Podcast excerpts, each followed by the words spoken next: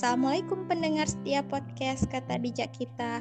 Nah, dalam sesi bincang jejak aktivis kali ini, kita mengundang tamu spesial, sarjana muda yang dulunya aktivis kampus, aktif di organisasi. Langsung saja ya, namanya Ulia Muftihatin, SPD, Sarjana Pendidikan, Pendidikan Fisika, Unri Angkatan 2015. Panggilannya Uun dulu pernah menjabat di Badan Eksekutif Mahasiswa Universitas Riau. Nah, langsung aja kita sapa ya. Assalamualaikum Uun. Waalaikumsalam. Gimana kabarnya nih? Alhamdulillah, luar biasa. Allah Akbar. Ria gimana? Alhamdulillah. Alhamdulillah apa kesibukan sekarang nih sebagai fresh graduate ya? Loh, ya, fresh graduate udah setahun ya, hampir setahun. Kalau ya. juga kan? Kenapa? Tetap masih fresh. Enggak fresh juga sih, udah hampir overload mungkin. Apa kesibukannya nih? Kalau kesibukan apa ya? Uh, uh, berhubung besok ini kan udah masuk tahun ajaran baru kan Yari? Jadi hmm. ya persiapan pembelajaran jarak jauh di sekolah kayak gitu. Terus juga uh, beberapa juga ada proyek nulis dan desain. Terus ya kegiatan di rumah dah gitu aja. Ya sembari gitu. sembari belajar uh, ya kayak kayak ikut-ikutan webinar segala macam kayak kayak, kayak gitu dah. Hmm, okay. lancar terus. Amin. Ah iya un. Uh, mungkin pendengar podcast aku mau denger deh pengalaman organisasi uun selama di kampus. Jadi kita di sini sharing gitu tentang pengalaman uun oh ya boleh boleh ini panggilnya aku ya soalnya biasa manggil aku. Tapi oh, dicoba. iya, kalau aku biasanya panggilnya aku. Kalau un ya terserah un biasanya uun ya. Iya iya biasanya kayak gitu. Tapi mari kita coba menggunakan kata ganti aku. Nanti kalau salah tetot gitu ya. Kenapa? Kalau salah sebut uh, bilang tetot oke oke. Okay. tadi apa ri? Oh ya uh, pengalaman ya? Oke. Okay. kalau pengalaman organisasi hmm, itu sebenarnya mulai berorganisasi itu udah pas kuliah aja. Kalau kalau teman-teman yang lain kan termasuk mungkin Ria juga itu mungkin dari sejak sekolah SMP atau SMA mungkin itu udah masuk kan yang namanya osis segala macam. Nah kalau Uun sendiri itu eh salah kalau aku sendiri itu baru nyoba yes. organisasi pas udah di kuliah. Apa? Just be yourself aja. Ya siap. nah gitu. Jadi ya memang menyicipi dunia organisasi ya pas udah kuliah aja. Dan itu pun juga dibilang aktif nggak juga ya Siri karena uh, cuman fok satu periode itu kan kita kan periode ya bukan tahunan kan. Nah satu periode itu cuman satu organisasi aja yang dihandle. Nah, pernah waktu itu selain yang organisasi internal kan juga megang yang eksternal. Nah, yang eksternal itu jadinya nggak kepegang gitu. Jadi makanya cuman satu aja satu periode. Jadi nggak banyak sih juga sebenarnya nggak aktif nggak juga kayak gitulah. Bisa disebutkan mungkin un ya. Oke. Okay. Um, aja boleh. Ini kan sharing ya. Jadi ya, uh, mau cerita sedikit. Dulu itu kan kalau misalnya di hima uun ya gitu ya. kita punya alur pengkaderan setelah magang. Satu bulan atau dua bulan itu kan habis itu diproyeksikan ke divisi mana di hima itu sendiri. Nah magang waktu itu on di divisi jurnal ya kan? Nah di situ memang kayak ini uun banget loh ini aku banget loh kayak gitu kan. Nah tapi ternyata setelah diproyeksikan oleh kakak-kakaknya ternyata dimasukkan ke kaderisasi ri. Nah di situ bertanya-tanya gitu kan kok bisa ya UUN yang begini ya kan? Yang mungkin itu nggak nggak ini ya nggak mungkin nggak peka sama lingkungan sibuk dengan dirinya sendiri kok bisa dimasukkan ke dunia kaderisasi gitu. Jadi pertanyaan dan memang ini bukan UUN kayak gitulah membatin ya kan. Hmm. jadi setelah itu ya tetap masuk sih di kaderisasi hima itu. Yang nggak sampai sebulan deh kayaknya. Nah pas itu pula ada nih kakak senior yang waktu itu e, menjabat di BEM fakultas. Nah jadi beliau ini menarik OON ke sana. Ya udah akhirnya dengan diskusi panjang dengan bupati waktu itu dengan uh, kadif-kadifnya segala macam akhirnya memilih untuk masuk ke B fakultas. Nah terus dari itu semester semester 2 ya? Semester dia semester 2 ya, kita kan ya. kenapa? Setelah magang langsung iya nggak sih Ri? Semester kalau semester 2 iyalah setelah magang kan? Iya kan? Iya kan semester 2 nah. Iya. Nah itu dia. Jadi setelah setelah itu satu periode di BEM fakultas. Itu tuh di kominfonya. Sebagai staff waktu itu staff pers. Terus di berikutnya di BEM, di BEM fakultas lagi.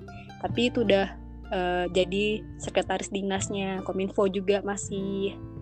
Nah terus di tahun terakhir ya kan di tahun keempat sebagai mahasiswa alhamdulillah kan ternyata itu di amanahkan lagi meloncat ke sekretaris kementerian kominfo lagi.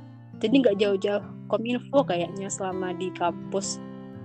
Ya gitu rih berarti sebelum eh, menekuni di di bidang kominfo tuh sebenarnya Uun udah apa namanya itu udah pandai lah dalam edit, mengedit media jurnalistis itu memang udah dari sebelum itu ya belum masuk organisasi kalau untuk menekuni kayaknya belum ya belum sampai ke tahap itu menekuni tapi hanya sekedar suka nah hmm. suka itu udah dimulai sejak uh, sekolah dasar tapi ini cuman yang bagian tulis menulis oh. nah itu udah uh, uh, itu udah mulai suka sama dunia tulis menulis kayak bikin artikel, terus nulis puisi dan alhamdulillah pun beberapa kompetisi yang diikuti itu dapet kayak gitu kan. Nah, tapi kalau untuk yang desain grafis sendiri memang bener-bener megang yang namanya Photoshop, terus Illustrator dan lain-lainnya itu ketika di kuliah aja. Nah, gitu dia. Tapi langsung pandai ya? Ke awalnya sih diajarin ya kan dikenalin dan diajarin sama kakak hmm. kelas waktu itu kan karena kepanitiaan di bidang uh, kominfo itu juga kayak gitu kan dan setelah itu ya memang otodidak kayak gitu kan kayak misalnya nyari tutorial di YouTube lewat web dan segala macam nah dari situlah mulai coba lagi mengeksplor pakai tools pakai aplikasi-aplikasi lain kayak gitu.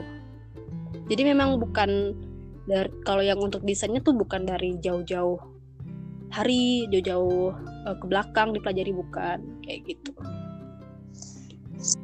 Nah kan ini pendengarnya mungkin kan uh, ada beberapa yang belum masuk organisasi kampus atau mungkin oh, iya, bingung iya, mau organisasi kampus itu di bidang apa gitu mungkin Un bisa sampaikan biasanya di bidang kominfo tuh ngapain aja gitu maksudnya hmm, kerjanya tuh ngapain aja fungsinya gitu sebagai apa di kelembagaan. Oke. Okay. Uh, eh, jadi ini ya, ini untuk pendengar yang belum masuk organisasi. Nah, pertama kita harus tahu dulu kita kuliah mau untuk fokus ke akademik aja atau sembari kerja atau juga memperluas link dalam hal ini konteksnya itu berorganisasi ya kan Nah, sekarang kita fokusnya ke organisasi. Nah, ketika kita memilih untuk terjun ke dunia organisasi sembari akademik, kita tentukan dulu value apa, nilai apa yang mau kita dapatkan dari organisasi tersebut. Nah, gitu dulu. Kalau misalnya diri kita ini lebih suka berbaur dengan orang banyak, ya kan? Terus uh, ingin memahami bagaimana karakter-karakter manusia, ya mungkin lebih tepatnya kaderisasi, ya kan? Ria sendiri lebih paham lah ya tentang kaderisasi itu gimana, ya kan Ri? Ya enggak Ri? Nah. lanjut. Terus kalau misalnya ini kan UN ya, karena itu dari awal sudah dibina oleh kakak-kakaknya itu untuk di bidang kominfo. Jadi menurut UN nih, secara pandangan pribadi ya, kominfo ini diperuntukkan bagi mereka yang ingin mempunyai skill yang lebih terkhusus di bidang uh, digital atau teknologi gitu ya. Apalagi kan sekarang ini kita udah masuk ke revolusi industri 4.0, eranya digital ya kan. Sekarang pun terasa, khususnya kan di dunia pendidikan ya kan. Ya. Jadi memang ilmu-ilmu yang didapatkan ketika masuk ke bidang kominfo itu terpakai. Alhamdulillah itu terpakai ketika kita organisasi di masyarakat kita terpakai tuh ilmunya dan itu tuh kerasa banget pas nih ya kan dituntut oleh uh, sekolah untuk membuat sebuah media pembelajaran ya kan. Di situ dituntut uh, untuk membuat sebuah video interaktif. Nah kayak gitu. Jadi gimana caranya guru-guru ini dia bisa ber, ber uh, inovasi mengeluarkan kre kreativitasnya. Untuk apa?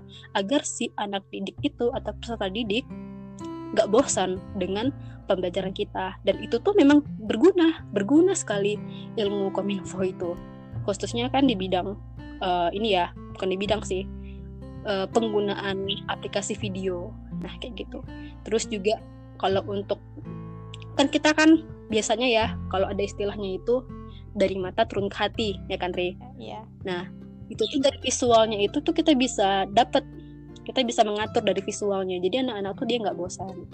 Itu sih. Jadi kalau misalnya bingung nih mau milih yang mana coba kenali diri dulu.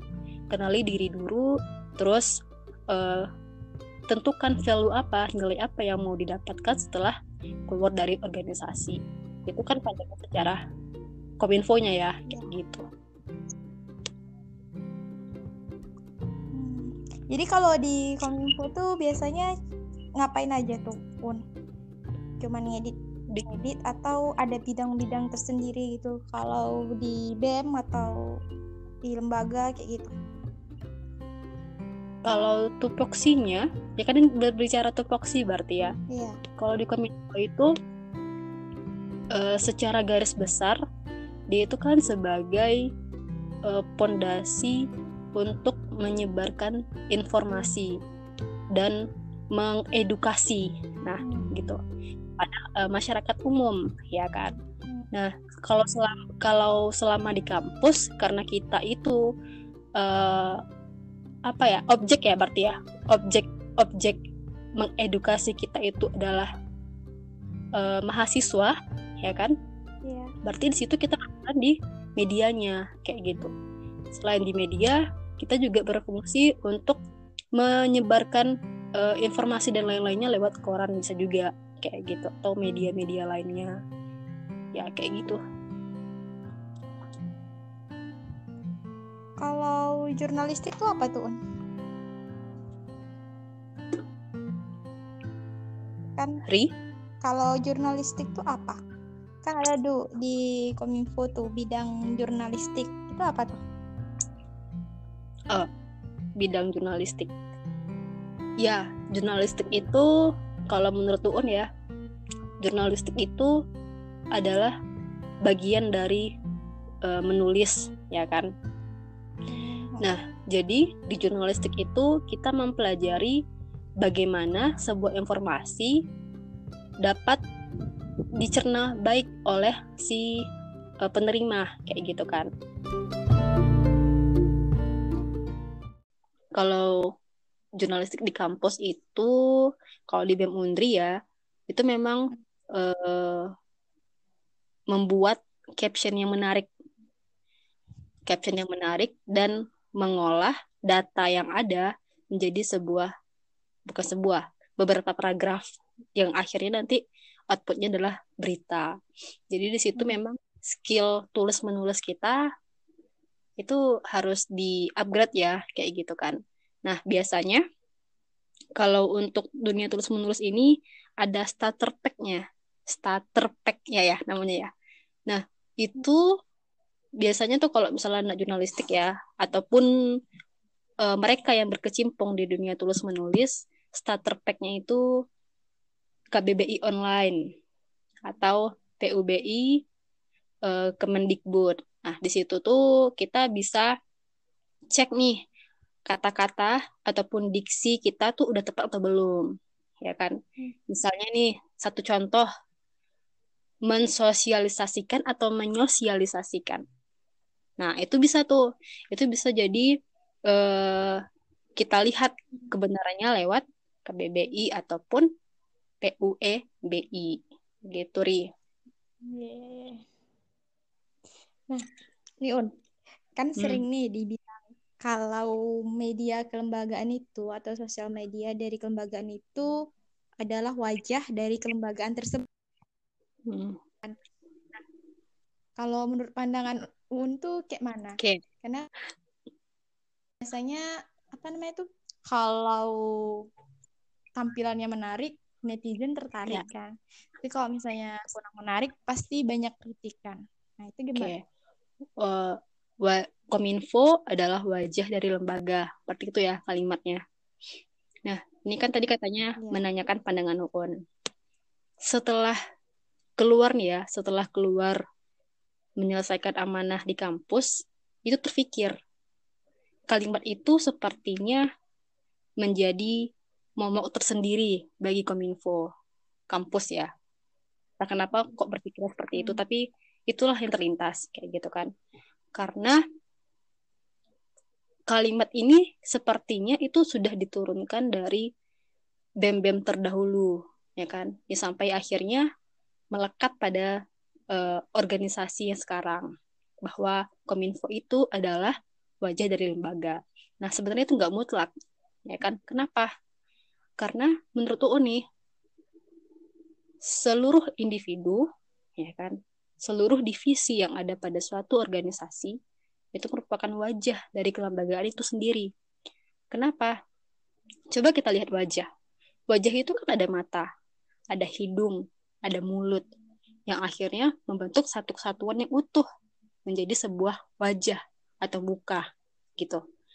Nah, kalau misalnya satu ada yang rusak, misalnya nih mata buta kayak gitu kan, atau bibirnya sumbing, maka jelek lah kan semuanya. Nah, kayak gitu deh. Ibaratnya tuh seperti itu. Jadi, wajah dari lembaga itu adalah kominfonya itu nggak mutlak.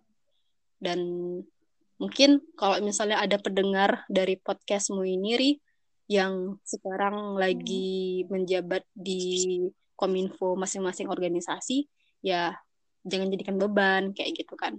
Karena dulu ya karena karena UUN pribadi nih pengalaman. Karena itu menganggap bahwa sebuah bahwa itu adalah sebuah keharusan dan akhirnya terjadi beban sendiri. Nah gitu. Jadi ya jangan berspekulasi mutlak seperti itu karena sejatinya semua kita yang berada di situ, di organisasi itu memiliki tanggung jawab yang sama. Untuk menjadikan organisasi itu adalah yang terbaik pada masanya. Hmm. Oke, oke. Gitu ya, Un. Keren-keren.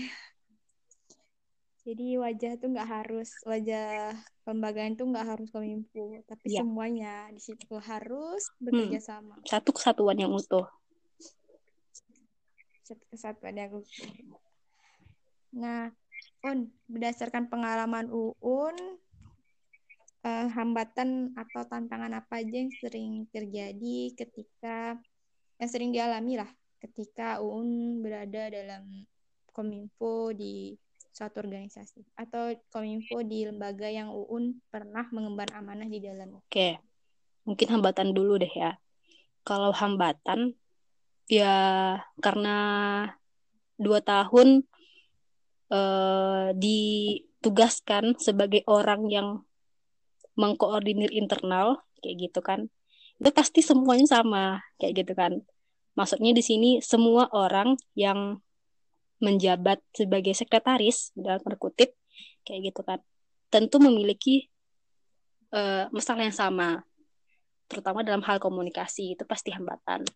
Tapi kalau misalnya untuk uh, tantangan tersendiri ya kan untuk tantangan tersendiri ini kita sebagai kominfo ya kayak gitu kan. Kan uh, kominfo itu kan salah satu tupoksinya adalah untuk mengedukasi dan menginformasikan kayak gitu kan. Nah untuk teman-teman yang nggak masuk organisasi nih yang sulit kita untuk memahamkan mereka uh, ini loh keadaan kampus kita sekarang lagi lagi gini lagi genting. Ini loh ada kejadian tembak menembak di sini kayak gitu. Nah itu tuh yang sulit dan memiliki uh, apa ya kerja keras effort yang mungkin nggak sama kayak kita membuat uh, effort agenda ya kayak gitu. Untuk memahamkan teman-teman yang non organisasi ini kayak gitu kan. Bahkan teman-teman sendiri aja nih ya gitu kan. Sekitaran kelas juga mereka nih nggak tahu siapa pemimpin fakultasnya siapa gubernurnya siapa presiden mahasiswa mereka mereka nggak tahu. Nah, jadi di situ memang. Tantangan ya, tantangan tersendiri sih bagi UN ya. Selama kemarin itu di organisasi. Gitu, Ri. Hmm. Ada lagi yang lain? Kalau yang lain banyak ya. Cuman Apa? Itu ya. Cuman itu ya, keren. Karena apa ya? Ini kan udah lama nggak ini, Ri nggak di nggak ke kampus. Jadi nggak merasa nggak terlalu merasakan bagaimana uh, atmosfer di sana tuh kayak gitu. Jadi udah mulai mulai lupa gitu. Sering-sering lah makanya ke kampus. jauh cuy. Walaupun jadi alumni jauh kan. cuy. Ya sih. Tahun hmm. kan un udah lama nih di bidang apa? Hmm. kominfo nih. hmm, tips lah un untuk tahu uh, yang mana sih yang berita hoax yang mana yang berita sesuai fakta atau cara menghindari berita-berita yang nggak sesuai dengan kenyataan. Nggak sesuai dengan kenyataan oke. Okay. gitu. Ya. Ya ini biasanya nih kalau kalau berita hoax itu biasanya kan muncul pas mau pemilu yang menjatuhkan satu pihak yang lain kayak gitu kan. Ataupun misalnya sekarang hmm. lagi kondisi corona yang bilang bahwa apa ya contoh hoax hari ya ya anggaplah satu satu informasi hmm. kayak gitu kan. Nah itu kebiasaan orang Indonesia bukan kebiasaan sih ini memang fakta. Fakta kan data berbicara fakta Nah, itu kan mengatakan bahwa uh, orang Indonesia tingkat literasinya tuh masih rendah. Kalau dirankingkan tuh masih di bawah-bawah kayak gitu kan, masih ranking kependot nah, kayak gitu. Nah, itu tuh ya mereka ketika ada sebuah uh, berita muncul di screenshot, biasanya kan ini kan ada di grup ya. Itu ketika membaca beritanya udah emosi dulu. Ya kan? Nah, Padahal isi dari berita tersebut tidak 100% menggambarkan apa yang dibuat pada judul. Nah, itu. Jadi kita kurangnya adalah di literasi membaca kita. Jadi kalau misalnya memang tidak tidak mau termakan hoax, paksakan membaca. Itu aja. paksakan membaca. Terus kalau misalnya berarti hmm? orang ya, Kenapa? Uh, berarti orang biasanya judul biasanya dia cuma membuat orang tertarik untuk membacanya yeah. gitu ya judul yeah. itu bukan kadang nggak hmm. ya. uh, judul itu kan dibuat untuk menarik perhatian pembaca ya kan kalau uh, kalau desain grafis ya itu kan warna warna. Warna itu kan yang menarik visualnya, gitu kan. Nah, kalau di tulisan itu judul yang menariknya. Nah, jadi memang media-media itu kebanyakan yang memang bermain di uh, judul.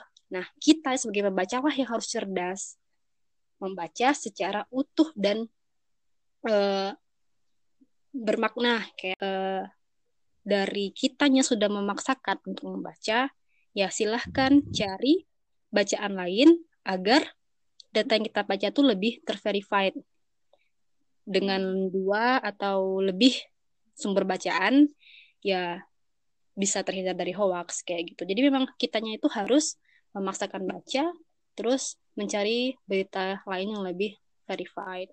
Jadi dengan begitu kita terhindar itu dari namanya hoax, dari namanya ngibul. Gitu. Nah, Un, lanjut.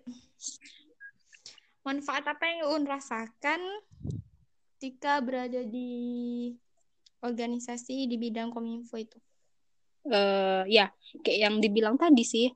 Ini kan karena um, apa ya? Ini kan titel kita nih. Dirimu juga nanti insya Allah juga Yari. Semoga tahun ini tercapai Yari. Itu kan gelarnya nanti di belakang itu kan SPD, ya kan. Nah, dan masa seperti ini itu kan memang mengharuskan dan baru dan baru muncul juga kan berita terbaru dari Mendik dari Mas Mendikbud itu bilang bahwasannya pembelajaran daring ini itu akan jadi permanen gitu kan. Nah, ya itu. Jadi di sana tuh kita memang harus uh, guru tuh ya khususnya memang harus aware dengan perkembangan teknologi memang nggak boleh uh, kan kan ada tuh beberapa guru nih kalau yang untemui di beberapa sekolah ya kayak gitu kan. Bahkan di lingkungan kerja sendiri pun juga ada yang begitu. Maksudnya kenapa sih harus kayak gini gitu loh? Tapi itu tadi ya kan. Balik lagi ke peran kita tuh di lingkungan kerja itu sebagai apa kayak gitu kan. Nah karena di sini konteksnya adalah pendidikan ya mau nggak mau memang kita harus aware dengan teknologi itu. Gunanya apa kan? Kan kita tahu sendiri gitu. Jadi memang uh, ya kayak gitu sih Ria. jadi tergantung ini kita juga ya. Uh, kita berperan bidang apa. Misalnya kita pendidikan ya, ya un. Jadi berarti kita fokusnya ke sana. Oh iya tambahan juga. Tapi bermanfaat kali ya. Kenapa? Bermanfaat kali. Kalau misalnya dari awal memang menggeluti itu karena memang sangat ya. kan ternyata gini juga tuh tambahan informasi juga ya kan uh, itu kalau hmm. ada tuh muncul infografis tentang skill-skill yang akan hilang di tahun 2020 ke atas. Terus ada juga infografis tentang skill-skill yang dibutuhkan di tahun 2020 ini. Nah, yang pertama tadi kan skill-skill yang bakalan hilang, ya kan? Ataupun pekerjaan-pekerjaan yang bakalan hilang. Itu, ya, hmm. mungkin kalau dulu kita, eh, apa ya, eh tunggu, nanti itu bagiannya edit aja. Kok hilang ingatan aku. Nah, jadi gini, kan tadi ada sebagai tambahan informasi, di ada itu sumber infografisnya yang bilang begini. Ada beberapa pekerjaan yang pada tahun 2020 itu akan hilang, ya kan? Dan digantikan dengan pekerjaan baru yang belum pernah terdengar sebelumnya. Nah, contohnya apa? Nah, sekarang itu ada uh, pekerjaan, bukan profesi ya, pekerjaan yang namanya UX writer. Terus copywriter, hmm. content writer, copywriting. Kemudian ada icon desainer visual dan segala macam. Nah, itu tuh adalah kalau misalnya kita tanya nih ke orang tua kita ya, kenal nggak sama pekerjaan itu? Ya mereka nggak tahu, gitu kan. Jadi inilah hmm. pekerjaan-pekerjaan yang dibutuhkan pada era digital sekarang, era 4.0 sekarang. Dan salah satu skill yang dibutuhkan juga di tahun 2020 ke atas ini adalah skill tadi. Yang kita bicarakan tadi yaitu apa? Desain grafis dan menulis gitu. Walaupun kita tidak menekuni tapi kita setidaknya bisa saja dasarnya itu sudah cukup. Nah jadi untuk eh, anak-anak muda ya kan yang masih punya semangat yang masih punya banyak kesempatan ya kan kan belum punya ini ya belum punya tanggungan yang berat kayak gitu kan ya selagi ada waktu luang uh, sempatkan untuk mengikuti pelatihan-pelatihan online yang udah banyak bertebaran di uh, media sekarang kayak gitu. Terakhir hmm. nih Un, karena aku juga kan uh, targetan Un ke depan nih dengan adanya kemahiran Uun yang di bidang desain tadi, terus apa yang bakalan Uun lakukan ke depannya gitu atau mungkin sekarang nih udah ngelakuin apa aja karena kan itu termasuk salah satu apa ya branding Uun lah tentang desain grafis dan juga jurn uh, apa menulis tadi. Oke. Okay. Uh, kalau untuk keinginan itu kan kita kan sebatas keinginan ya, kita sebatas rencana. Tapi kan tetap nanti Allah itu yang ngatur kan kak ke depannya bagaimana kalau keinginan Uun ya uh, karena in, karena udah terjun ke dunia pendidikan dengan modal ilmu pendidikan yang belum apa-apa kayak gitu kan tapi masih punya ketertarikan dengan dunia digital jadi pingin menggabungkan dua hal itu kayak gitu apalagi UN kan konsentrasinya itu ke uh, eksak ya apalagi fisika yang hmm. mungkin masih jadi momok bagi sebagian besar siswa peserta didik kayak gitu kan jadi masih merancang sih masih merancang bagaimana nantinya uh, menjadikan fisika ini menarik bagi siswa dan karena UN juga di ini ya di, mengajar di sekolah Islam jadi memang kita berusaha untuk tidak jauh dari uh, Islam itu sendiri kayak gitu. Jadi memang mengaitkan fisika dengan Islam dan dikombinkan dibalut dengan teknologi. Entah itu berupa visual, entah itu berupa video animasi ataupun atau atau apa pun lah seperti itu. Itu kan keinginan ya Ria. Kayak gitu kan. Tapi semoga hmm. nanti suatu saat nanti itu terlaksana. Terus kalau yang udah dilakuin, kalau yang udah dilakuin apa ya? Ya karena itu yang hmm? di WA yang di story Un itu gimana nulis kan gimana gimana ada Un yang apa monokrom oh eh, oh iya itu ya oh ya monokrom oh ya itu nah itu juga uh, salah satu project ya. Project sama teman-teman. Sebenarnya itu uh, sebenarnya sih Un nggak ini ya kenapa kok bisa dapat project itu tuh lewat teman lain juga. Jadi secara nyata kami juga belum pernah jumpa. Nah tapi itu diajak secara online kayak gitu kan mau nggak gabung. Sebagai kalau di monokrom ini sebagai editor editor editor satu hmm. terus juga sebagai yang tukang desain kayak gitu. Ya ya yang masih dasar sih kayak gitu kan tukang desain monokrom. Terus dengan orang yang sama juga membuka uh, usaha konveksi. Jadi di situ juga jadi tukang desain.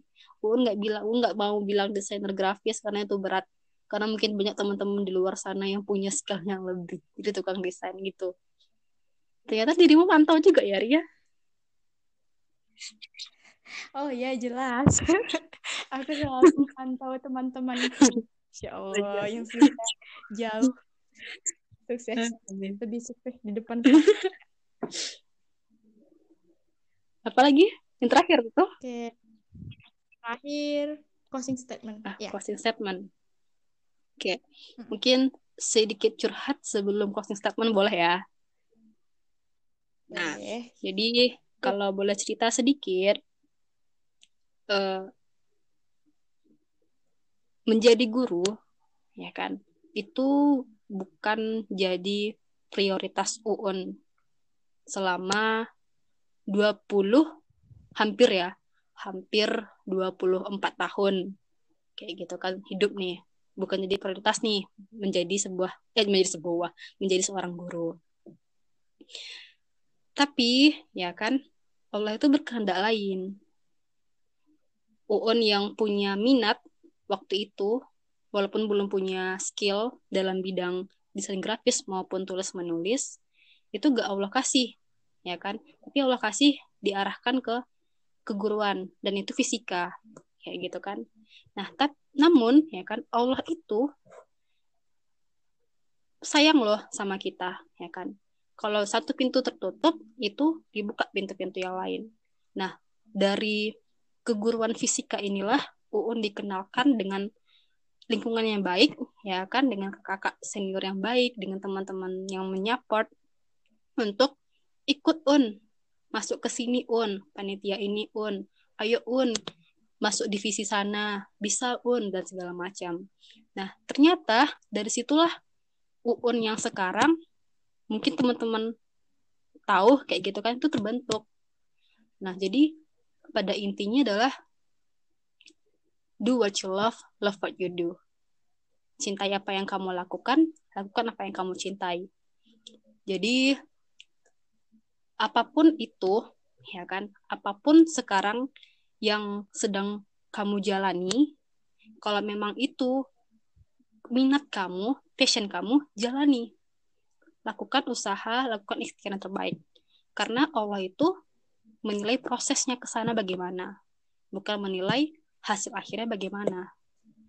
Nah, kalau misalnya nih, nih ya, ke, pernah dulu waktu UNSD itu ada seorang guru bilang begini.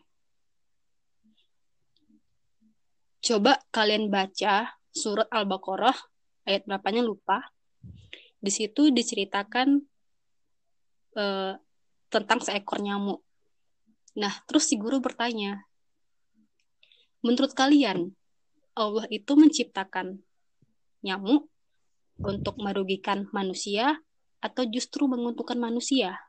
Nah, sebagian besar uh, siswa kelas tersebut termasuk UON ya itu beranggapan bahwa menyamuk itu merugikan karena dia bisa membuat kita gatal ya kan? Sampai mungkin bengkak-bengkak.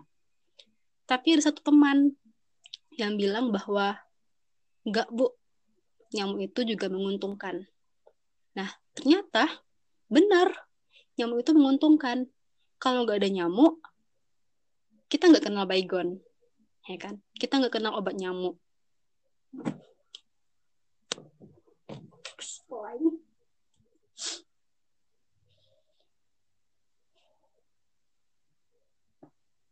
bukan obat nyamuk kita nggak kenal